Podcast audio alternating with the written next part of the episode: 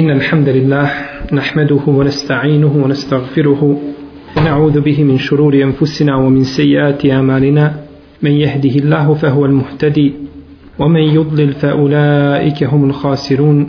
وأشهد أن لا إله إلا الله وحده لا شريك له. وأشهد أن محمدا عبده ونبيه ورسوله وصفيه من خلقه وخليله. أدى الأمانة وبلغ الرسالة. ونصح الأمة كشف الله تعالى به الغمة وجاهد في الله حق جهاده حتى يتاه اليقين. يا أيها الذين آمنوا اتقوا الله حق تقاته ولا تموتن إلا وأنتم مسلمون. يا أيها الناس اتقوا ربكم الذي خلقكم من نفس واحدة وخلق منها زوجها وبث منهما رجالا كثيرا ونساء واتقوا الله الذي تساءلون به والأرحام إن الله كان عليكم رقيبا. يا أيها الذين آمنوا اتقوا الله وقولوا قولا سديدا. يصلح لكم أعمالكم ويغفر لكم ذنوبكم ومن يطع الله ورسوله فقد فاز فوزا عظيما. أما بعد فإن أحسن الكلام كلام الله وخير الهدي هدي محمد صلى الله عليه وسلم.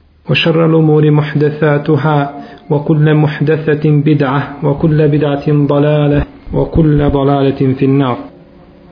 kaže uzvišeni tebarake wa ta'ala قل أطيعوا الله وأطيعوا الرسول فإن تولوا فإنما عليه ما حمل وعليكم ما حملتم وإن تطيعوه تهتدوا وما على الرسول إلا البلاغ المبين. Reci o Muhammede sallallahu alaihi wasallam slijedite Allaha i poslanika ili pokoravajte se Allahu i poslaniku a ako se okrenu pa ti si zadužen da činiš ono čime smo te obavezali a i oni su zaduženi sa istim. A ako se budete poslaniku sallallahu alaihi wasallame pokoravali vi ćete biti na uputi. A na poslaniku nije ništa drugo nego da prenese i da obznani. Kaže uzvišeni Allah te barake o tala u citiranom ajetu o in tutijuhu tehtedu. A ako se budete pokoravali poslaniku sallallahu alaihi wasallame, bit ćete upućeni.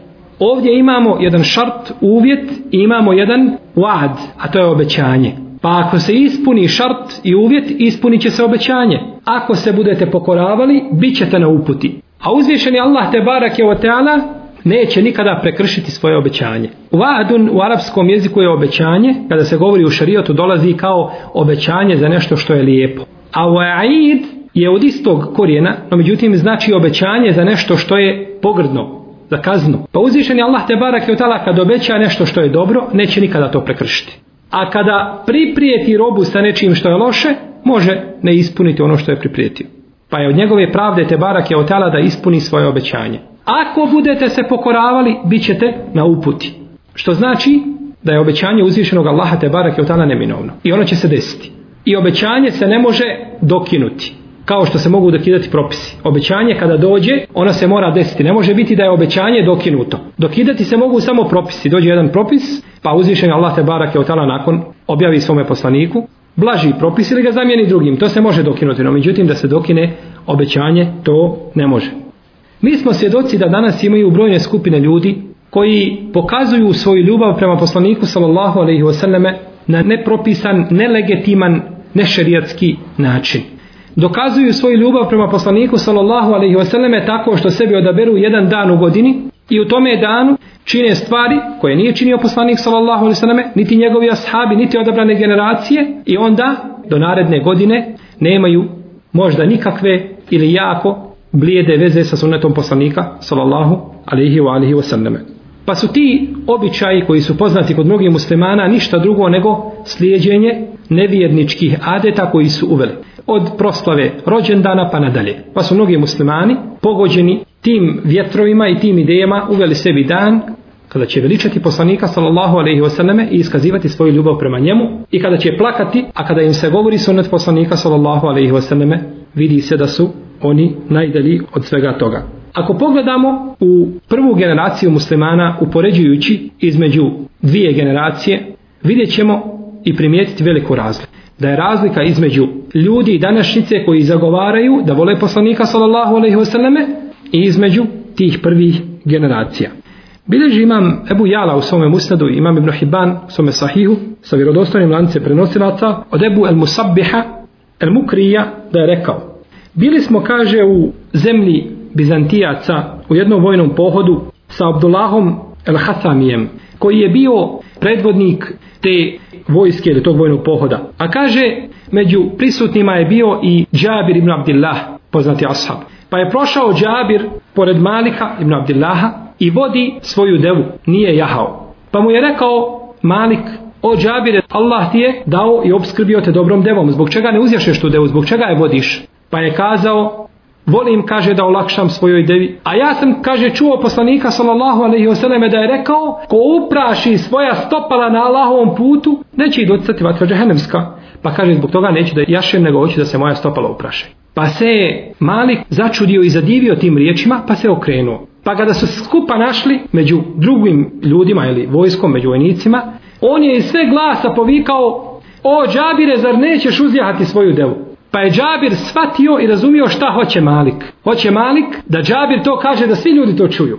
Pa je kazao, neću da jašem, hoću da olakšam svojoj devi, a kaže, pravi razlog toga jesu riječi poslanika sallallahu alaihi selleme, ko upraši svoja stopala na Allahovom putu, neće ih doticati vatra džahenemska.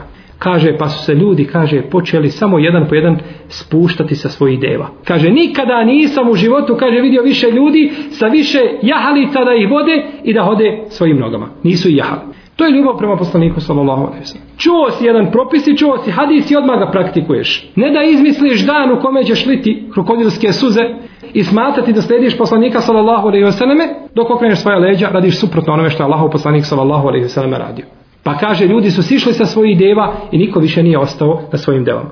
Iako ovaj hadis ne bi baš mogao biti kategorički argument na ome mjestu. Ovim hadisom se u stvari hoće kazati da čovjek koji izlazi na Allahov put, bilo da jaše ili da hoda, da ima nagradu. I čovjek koji dolazi pred bitku treba da jaše, treba da bude odmoran, ne da se umori hodajući pa da onda dođe na mejdan. No međutim, pored toga, Džabir, radijallahu ta'ala anhu, je razumio iz toga hadisa općenito. Bolje mi je da hodam nego da jaše. I bilježi imam Ebu Davud u svome sunanu, ima Mahmed u svome musnedu, sa dobrim lancem prenosilaca, da je na dan kada su muslimani porazili Benul Mustalik, došla Džuverijetu bintul Haris, majka vjernika. Došla je pod poslanika sallallahu alejhi ve selleme, a bila je zarobljena sa svojim plemenom. Kaže Ajša radijallahu ta'ala anha: "Wa kanat imra'atan mallaha العين al-'ayn." Bila je kaže žena prelijepa, predivna. Kaže kad je oko vidi zalijepi se za nju. Ne može se oko odvojiti od nje od njene lepote, ljepote Džuverije radijallahu ta'ala anha. Od drugim predajama došlo da je imala tada 20 godina. Pa je došla kod poslanika sallallahu alaihi wasallame da traži za sebe iskupinu, da se iskupi, da ne bude znači roblje. Jer rob znači može platiti za sebe pa da se iskupi nakon toga da bude slobodan. Pa je rekao poslanik sallallahu alaihi kaže Ajša prije toga, a kaže kada sam je vidjela, kaže odma sam je kaže zamrzila. Jer sam kaže znala da će poslanik sallallahu alaihi kaže u njoj vidjeti ono što sam ja vidjela. Naći će da je lijepa, pa će je kaže poželjeti, pa će uzeti sebi. Kaže pa je otišla kod poslanika sallallahu alejhi ve selleme pa mu je kazala tako Allahu poslanice želim da se iskupim. Pa je kazao poslanik sallallahu alejhi ve selleme hoćeš li da ti ukažem na ono što je bolje od toga? Bolje od iskupine? Kaže reci Allahu poslanice. Platit ću kaže za tebe otkupinu pa ću te oženiti. Pa je kazala pristajem o Allahov poslanice. Kada su to čuli ljudi drugi, kada su čuli da je poslanik sallallahu alejhi ve selleme oženio Džuvairiju, svi su isto momentno oslobodili sve što su zarobili. Kažu to je tazbinstvo Allahovog poslanika, a ne može tazbinstvo Allahovog poslanika biti rob. Kakve veze ima neko što je iz istog plemena? No međutim, pogledajte ljubavi ashaba poslanika sallallahu alejhi ve selleme prema njemu ali i sallatu vesselam, dok su čuli da je oženio Džuveriju, kažu sve to oslobađamo na Allahovom putu. To ne može biti roblje, to je tazbinstvo poslanika sallallahu alejhi ve selleme i slobodni su. Kaže Aisha radijallahu ta'ala anha, nisam vidjela, kaže, nikada žene da je svojom bračnom vezom više koristila svome narodu što džuverija. Oslobođeno je, kaže, njenim sebebom oko stotinu familija. Pogledajte ljubavi ashaba poslanika, sallallahu alaihi wasallam. I pogledajte izbora, naravno, Džuverije. Jer ne znamo da se žena, da je pristala na ljepšu ponudu što je pristala Džuverija, radijallahu ta'ala, anha. Bileži ima muslim u svome sahihu od Ebu Musa, Elešarija, Abdullaha ibn Kajsa, Ebu Musa Elešarija, da je jednoga dana u jednom pohodu kazao El džennetu tahte zilali sujuf. Džennet je pod hladovima sabli. Pa je ustao jedan čovjek koji je bio skromno obučen Pa je rekao Ebu Musa Lešariju, Ante semijate ar rasule je kulu hada? Kaže, jesi li ti čuo poslanika, sallallahu sallam, da je to rekao, ti ga čuo svojim ušima? Kaže, jeste, ja sam ga čuo. Kaže, pa je ustao i otišao do svojih ljudi, svoga naroda, i kaže, poselamio i, oprostio se sa njima, kao kod nas čovjek kada polazi na put, oprosti se svojim najbližim i ušao, kaže, u bitku i borio se dok nije poginuo. Samo zbog jednog hadisa koga je čuo, spreman je bio da dadne svoj život. To je sljeđenje poslanika Salosa. I to što je upitao Ebu Musa Elešarija, ne znači da je on sumnjao u te riječi. Bože sačuvaj, ashabi su bili povjedljivi kod svih ljudi. No međutim, htio je da se uvjeri. Kao što je Kaab ibn Malik uradio. Kada je izostao iz bitke na Tebuku, pa kada se je vratio, kada je Allah njemu spustio ajete u kojima je opravdao njegov izostanak i oprostio mu, upitao je Kaab ibn Malik, kaže, o Allahu poslaniče, je li to od tebe ili je od Allaha Đeleša? Pa ne sumnja on od koga god daje, ali hoće da mu se srce smiri. Kao Ibrahim a.s. kad je kazao, Allahu Đelešanu, erini kejfe tuhil meuta. Kaže, evo nem tuhmin. Bela, walakin li jatme inne kalbi. Kaže, reci mi, pokaži mi gospodaru moj, kako ti to oživljavaš mrtve. Kaže, zar ne vjeruješ? Kaže, vjerujem, ali hoću da mi se moje srce smiri. Bilježi ima muslim u svome sahihu od Ebu Muslima el Havlanija, od Aufa ibn Malika, el Ešđaja, da je rekao, bili smo sa poslanikom sallallahu alaihi wasallame, nas devet, ili osam, ili sedam, pa su mu kaže dali prisegu, pa je kazao nakon kratkog vremena, kaže, zar mi nećete dati prisegu? Kažu, pa smo rekli, hoćemo Allahu poslaniče. Pa je to ponovio drugi put i treći put.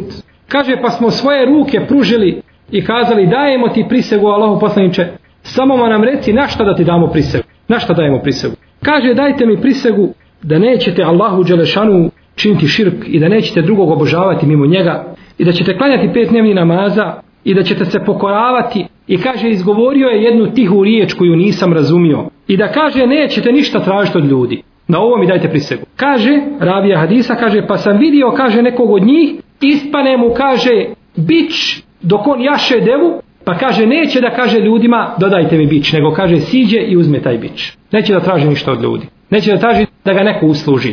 I bilježi imam Ahmed u svome mustadu sa vjerodostojnim lancem prenosilaca od Ebu Zara radijallahu anhu da je poslanik sallallahu alaihi wasallam rekao nemojte kaže ništa tražiti od ljudi čak ni bić koji vam ispadne dok ste na jahalici kaže dok ne siđete i sami ga ne uzmete. I zato se prenosi od Seubana radijallahu ta'ala kako bilježi Ibnu Mađe i drugi da bi silazio sa deve i uzimao sam bić i vraćao se nazad ne bi dozvolio da mu iko doda njegov bić Ovdje se kaže da nećete ništa tražiti od ljudi, misli se da čovjek prosijači da uzima da traži. Ali pogledajte kako su to ashabi razumjeli općenito, pa čak neće traži ni bići da mu neko doda. To želimo danas kazati kada bi čovjek htio da primjeni ovaj hadis u svjetlu u kome su ga razumjeli ashabi, da bi trebao da postupi ovako. Da nikad ne zatraži od žene da mu doda čašu vode, nego da ustane da sam sebi doda čašu vode. Da nikad ne zatraži od djeteta da mu doda čašu vode, nego da sam ustane da sebe posluži ako je mogućnost. Da ne traži ni od koga ništa, nego da sam radi sobom. Omer radi Allah te lanu kad je neprilike htio da uradi jedan posao pa skazali zbog čega ti o vladaru pravovjerni. Mi ćemo to uraditi.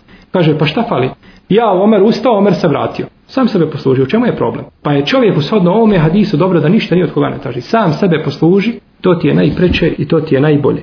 Imam Tirmizi bilježi u svome El Džamija hadis koji ima vjerodostojan lanac prenosilaca od Ebu Hureyre radijallahu ta'ala anhu da je kazao Izišao je poslanik sallallahu alaihi ve alihi ve selleme jedno veče ili jedan dan u vremenu kada nije običavao izlaziti na polje. Pa je došao Ebu Bekr kod poslanika sallallahu alaihi ve selleme, pa mu je rekao šta te je izvelo sada o Ebu Bekr? Kaže, želio sam da sretnem poslanika sallallahu alaihi ve selleme da gledam u njegovo plemenito lice i da ga selamim. Pa je nakon izvjesnog vremena došao Omer radijallahu anhu, pa je kazao šta te je isteralo Omere u ovo doba? Najvjerojatnije da se radilo u noći. Kaže, El džu'u ja Rasulallah. Allahu poslaniče, glad me natjerala da iziđem. Pa kaže poslanik sallallahu alaihi wa sallame, u ene kad vođed tu ba'da zalik. I ja sam, kaže, pogladan. Pa su otišli skupa kod Ebul Hejthema El Ensarija, koji je imao velike vrtove palmi.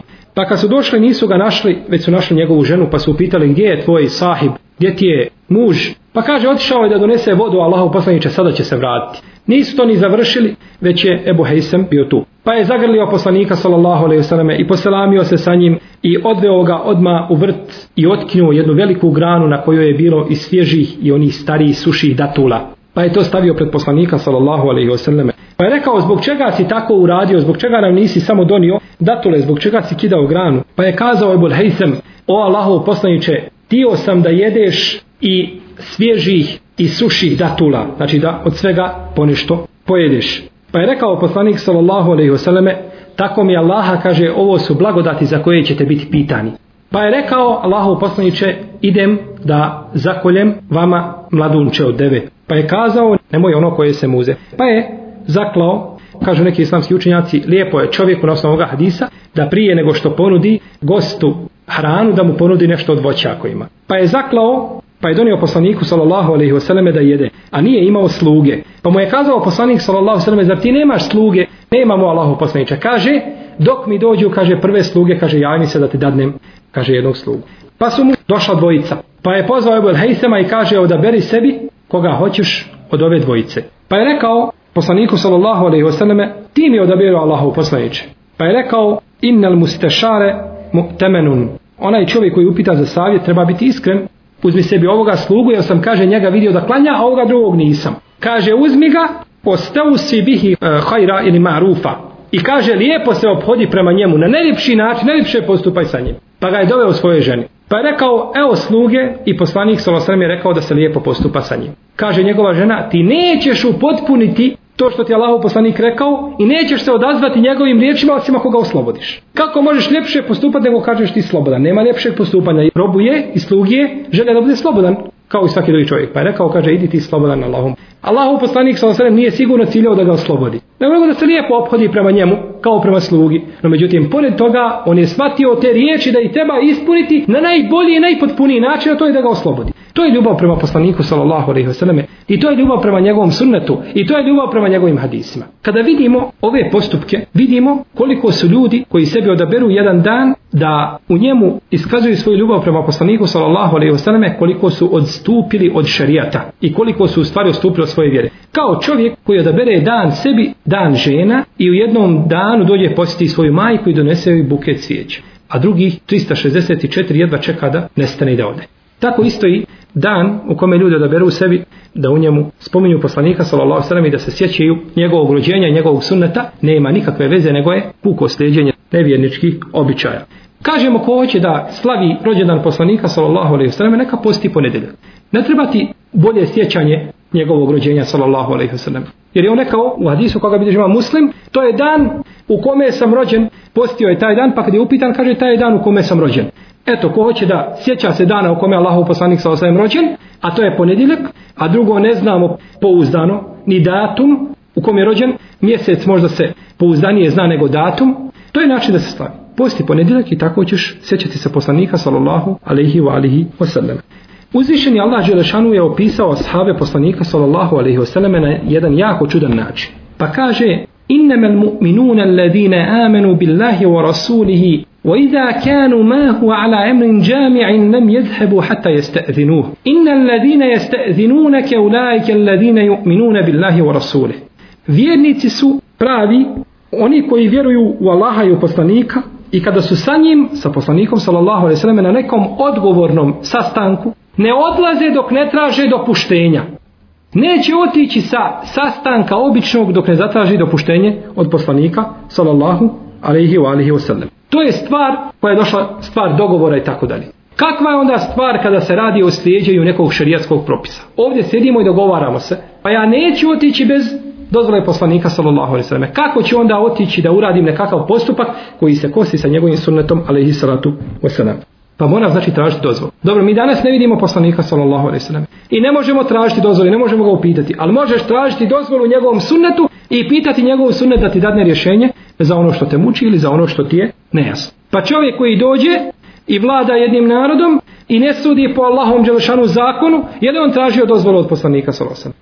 Tražio je dozvolu od žutih i crvenih, da mu oni kažu smije ili ne smije, može ili ne može. Ali nije pitao poslanika sallallahu alejhi ve selleme mogu li ja suditi po ome ili onome zakonu, a ostaviti zakon uzvišenog Allaha te barake o teala. A šta onda kazati za ljude koji za sebe kažu da su muslimani, a kažu da Hatidža radijallahu ta'ala anha nije prva žena poslaniku sallallahu alejhi ve selleme. Potvaraju poslanika sallallahu alejhi ve selleme da je bio nemoralan, a smatraju sebe muslimanima i žive među muslimanima. Takvi su sigurno u još većem balaletu i zabludi. Sljeđenje poslanika sallallahu alejhi ve selleme i njegovo poštovanje ima svoj šerijatski put i neće biti na način kako to čine mnogi ljudi.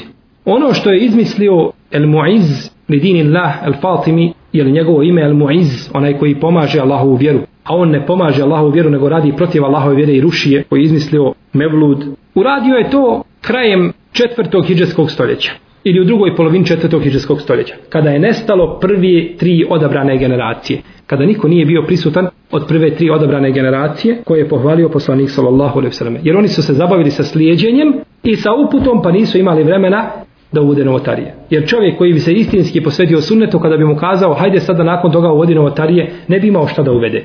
Jer je popunio svoj život, ispunio ga od vrha do dna sa sunetom poslanika sa osam i nema mjesta više ni za jednu najmanju, najsitniju novotariju da je uvede u svoj život. No, međutim, kada u čovjekom životu ima praznina i šupljina i od ozgo i od ozda i s lijeva i s desna, onda sigurno čovjek mora gledati da to popuni, pa to popunjava s onim što se kosi sa šarijatskim propisima.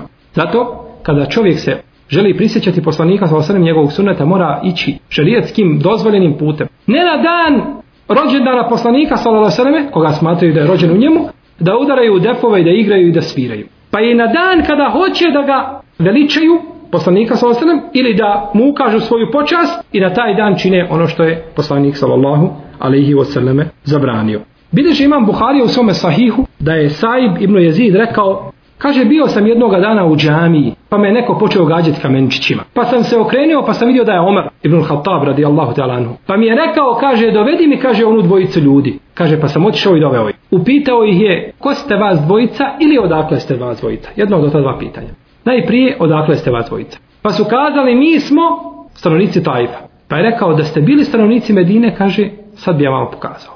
Zar dižete svoj glas u džamiji poslanika sallallahu alejhi ve sellem Dizali su svoj glas, pričali. Pa im je zabranio, znači da dižu glas, jer je uzvišeni Allah te barak ta'ala zabranio dizanje glasa iznad glasa poslanika sallallahu alejhi ve selleme. I u hadisu koga bilježi ima Muslim u svome sahihu danas ibn Malika kada je uzvišeni Allah dželle objavio Ja ejuhalladina amanu la tarfa'u aswatakum fawqa sawti an-nabi wa la tajharu lahu bil qawli كجهر بعضكم لبعض أن تحبط أعمالكم وأنتم لا تشعرون O vjernici, nemojte dizati svoje glasove iznad glasa poslanika sallallahu alaihi wasallame, niti mu se obraćati kao što se obraćate jedni drugima. Da se ne bi vaša dijela poništila, a vi ne osjetite i ne znate. Pa kada je čuo Sabit ibn Qais ovaj ajet, otišao je kući svojoj, zaključao se, sjeo i plakao. I tako ostao u kući svojoj. Nakon izvjesnog vremena poslanik sallallahu alaihi wasallam je primijetio da nema Sabita ibn Qaisa. Nema ga u džamiji.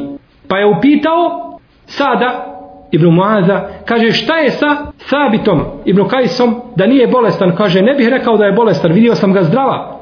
Pa je otišao kući da vidi. Pa kada je upitao šta je kaže ja sam stanovnik vatre džehennemske. Ja ću kaže u džehennem.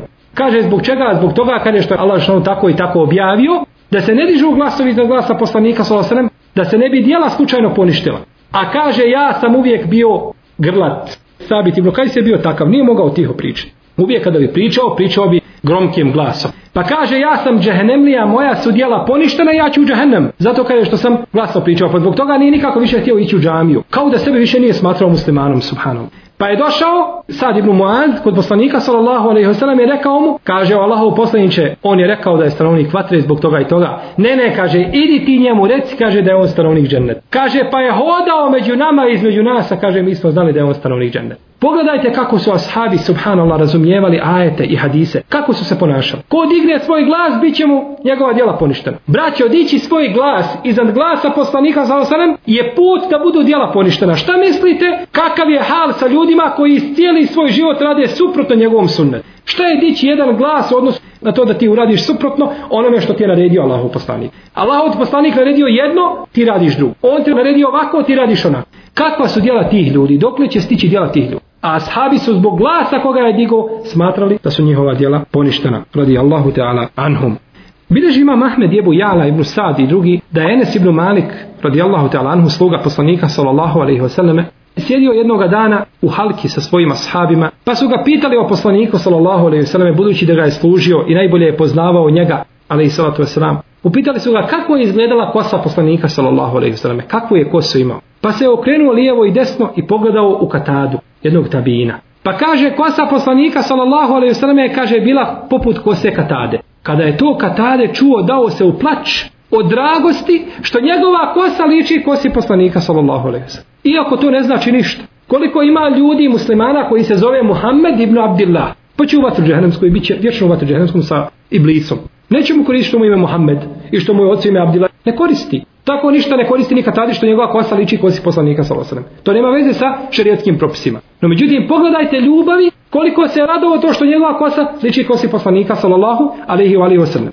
E sad mi kažete, taj čovjek koji se tako ponaša i koji se osjeti tako radosnim i srećnim što njegova kosa liči kosi poslanika sallallahu alejhi ve sellem, može li uraditi nešto što je suprotno sunnetu Allahovog poslanika alejhi sallam? To je nemoguće. Radujem se da mi kosa liči, kako da se ne radujem da moj namaz liči namazu poslanika sallallahu alejhi. I da moja odjeća liči odjeći poslanika sallallahu alejhi. I da moj zikr liči zikru poslanika sallallahu alejhi. I da moj hađi, moj post, i moj zekjat, i moj zikr, i moje dobročinstvo i svi ibadeti da liče životu poslanika sallallahu alejhi ve sellem. Kao čovjek koji se ne pokori u onome što je niže, neće se pokoriti onome što je više. Allahov poslanik sallallahu alejhi ve sellem naredio čovjeku sitnicu da je uradi i on je ne uradi.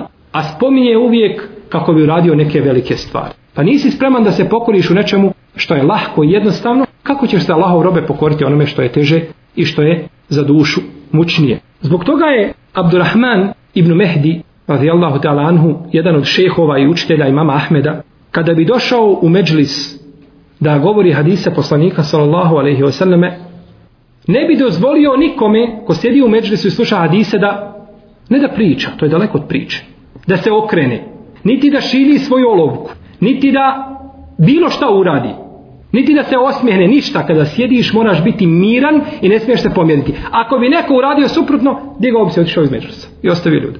Kaže, ovo je sunnet poslanika sallallahu alaihi i treba ga poštovati treba ga cijeniti i moraš se tako ponašati.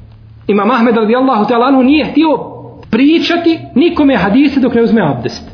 To nije vađib po konsensusu leme da ti pričaš da moraš imati abdest kada spominješ hadise. Ali kada bi mu došao čovjek i pitao ga nešto, kaže, pitao bi ga ima malik šta hoćeš. Hoćeš li fetvu ili hadise? Ako bi rekao fetvu, odgovorio bi. A kaže, ako hoćeš hadise, onda sačekaj. Kaže, pa bi otišao, pa se abdestio, pa se lijepo namirisao i kaže, sad me pitaj, kaže, pa ću ti ja pričati hadise poslanika, sallallahu alaihi wasallam. E čovjek koji se tako ponaša, prema hadisima kao tekstovima, što mislite kakav je njegov život i kakva je njegova praksa? Ne može taj čovjek nikako da uradi nešto što je suprotno onome što govori i što priča. Jer ako je njegova priprema za čin takva, takve prirode, kakav je onda sam čin? Kakav je čin prihvatanja i praktikovanja i čuvanja i cijenjenja i uvažavanja sunneta poslanika sallallahu alihi wa alihi wasallam. A od njega su bili Vokija ibn Đerah i drugi još žešći po ome pitanju. Poslanik sallallahu alaihi wasallam je rekao u jednom hadisu koga bilježi ima muslim i drugi od Ebu Hureyre radijallahu ta'ala anhu ljudi koji će me najviše voljeti iz moga ummeta nakon ashaba jesu kaže osobe koje će doći nakon mene. Poželio bi jedan od njih da me je vidio taman to iskupio to viđenje jedno sa svojim imetkom i svojim životom. Sa svojom porodicom i svojim imetkom. Znači spreman je čovjek da dadne svoj imetak i kuće i auta i zemlju i firme i sve i porodicu i ženu i djecu i majku i oca sve što ima da dadne da izgubi u treptaju oka samo da me vidi. To su kaže ljudi koji će me najbolje voljeti. Ovo je vaga precizna poslanička vaga kojom se važe ljubav prema poslaniku salosara da li si spreman da se odvojiš od svega samo da jedan put vidiš na treptaj oka poslanika salosara i nakon toga dalje živiš? Ali taj pogled u lice poslanika sallallahu na sudnjem danu je teži od bilo čega drugog. Teži i od šehadeta na lahom putu taman poginuo čovjek stotinu puta. Jer pogled jedan u lice poslanika sallallahu se ne može nadomjestiti ni jednim jedinim drugim djelom. Sa strane muslimana naravno, koji se drži Kur'ana i Sunnet.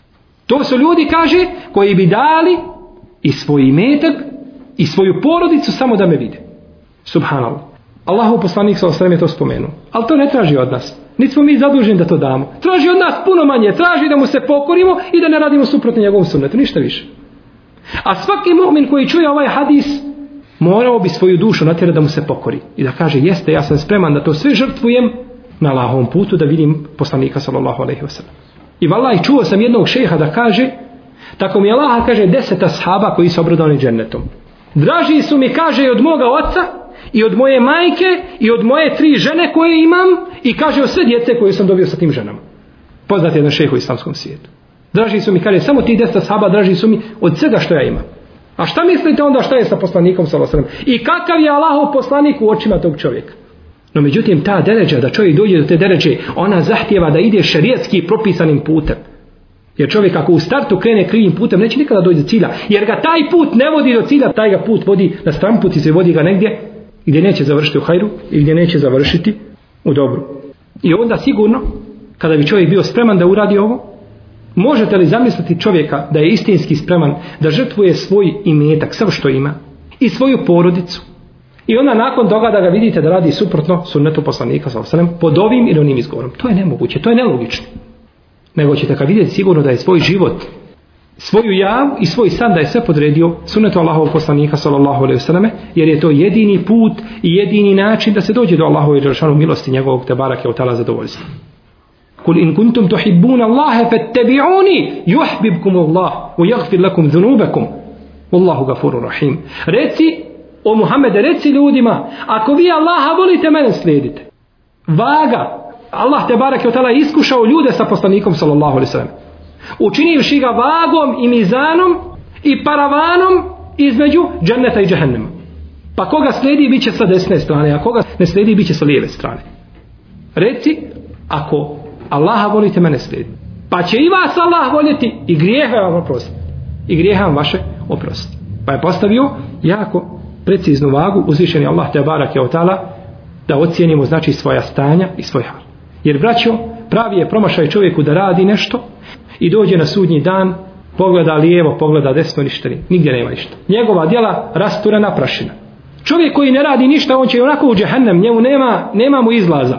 Nikomu ne može pomoći. Ali je zlo za čovjeka da radi i da je ubijeđen da je to stvar koju treba da čini da radi da je praktikuje onda dođe na sudnji dan i tomu bude rasturena prašina jer nije bilo u skladu sa sunetom poslanika sallallahu alejhi ve alejhi Zbog toga su islamski učenjaci više voljeli čovjeka koji je nepokoran, griješnik nego novotara.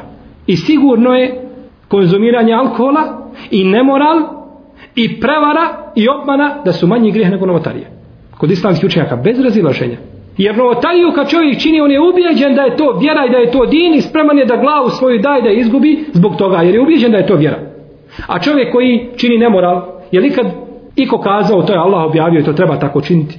Svako zna da je to zabranjeno, da to ne smije činiti. Samo je pitanje dana kad će mu Allah otvoriti njegovo srce da se pokaje. Ali kad čini novotariju, pa sprema glavu da izgubi, pa kaže gubi me na Allahovom putu. A nije svjestan da je gubi na šeitanskom putu. Pa je jako bitno put i način kojim čovjek prilazi šarijatsko pravnim argumentima, kako prilazi Kur'anu i sunnetu, kako prilazi tom razumijevanju. A ne možemo na ljepši način prići nego kako su prišle naše prve generacije. Da to razumijemo u tom svjetlu i u tom duhu. Jer je to, braćo moja, zalog nama za naš uspjeh. Kako ovdje, tako i na budućem svijetu. I nema uspjeha i nema pomaka dok muslimani istinski nesvate ove činjenice. Jer ako se vjera uzme samo da se popuni nešto duhovno u svojoj duši što čovjeku fali i što mu nedostaje, onda od toga nema ništa. To je nevjera onih koji su iskrivili svoju vjeru, koju su imali objavljenu. Nego znači da čovjek svoj i život i sve svoje što ima da učini u skladu sa sunnetom poslanika sallallahu alaihi selleme i onda će inša Allah ta'ala uzvišeni Allah šanu primiti njegova djela i na sudnjem danu bit će od onih koji su uspjeli inša Allah ta'ala da će biti u društvu sa našim poslanikom sallallahu alaihi selleme sa iskrenim dobrim i šehidima a imali ljepšeg društva. Molim uzvišenog Allaha te barake o ta'ala da nas pouči našoj vjeri, suputi na pravi put, popravi naša djela stanja naša i naših porodica, stanja muslimana u cijelom svijetu, da izbavi muslimane iz svih vrsta poniženja, potlačenosti i da nas uvede u dženecka prostranstva sa našim odabranim poslanikom Muhammedom sallallahu alaihi wasallame, njegovim ashabima, Ebu Bekrom, Omerom, Osmanom, Alijom i Muavijom, Ridvanullahi ta'ala alaihi međba'in, Allahu ta'ala alam, wa sallillahu ala nabina Muhammed, wa ala alihi wa ashabi ajma'in, wa jazakumullahu khairan.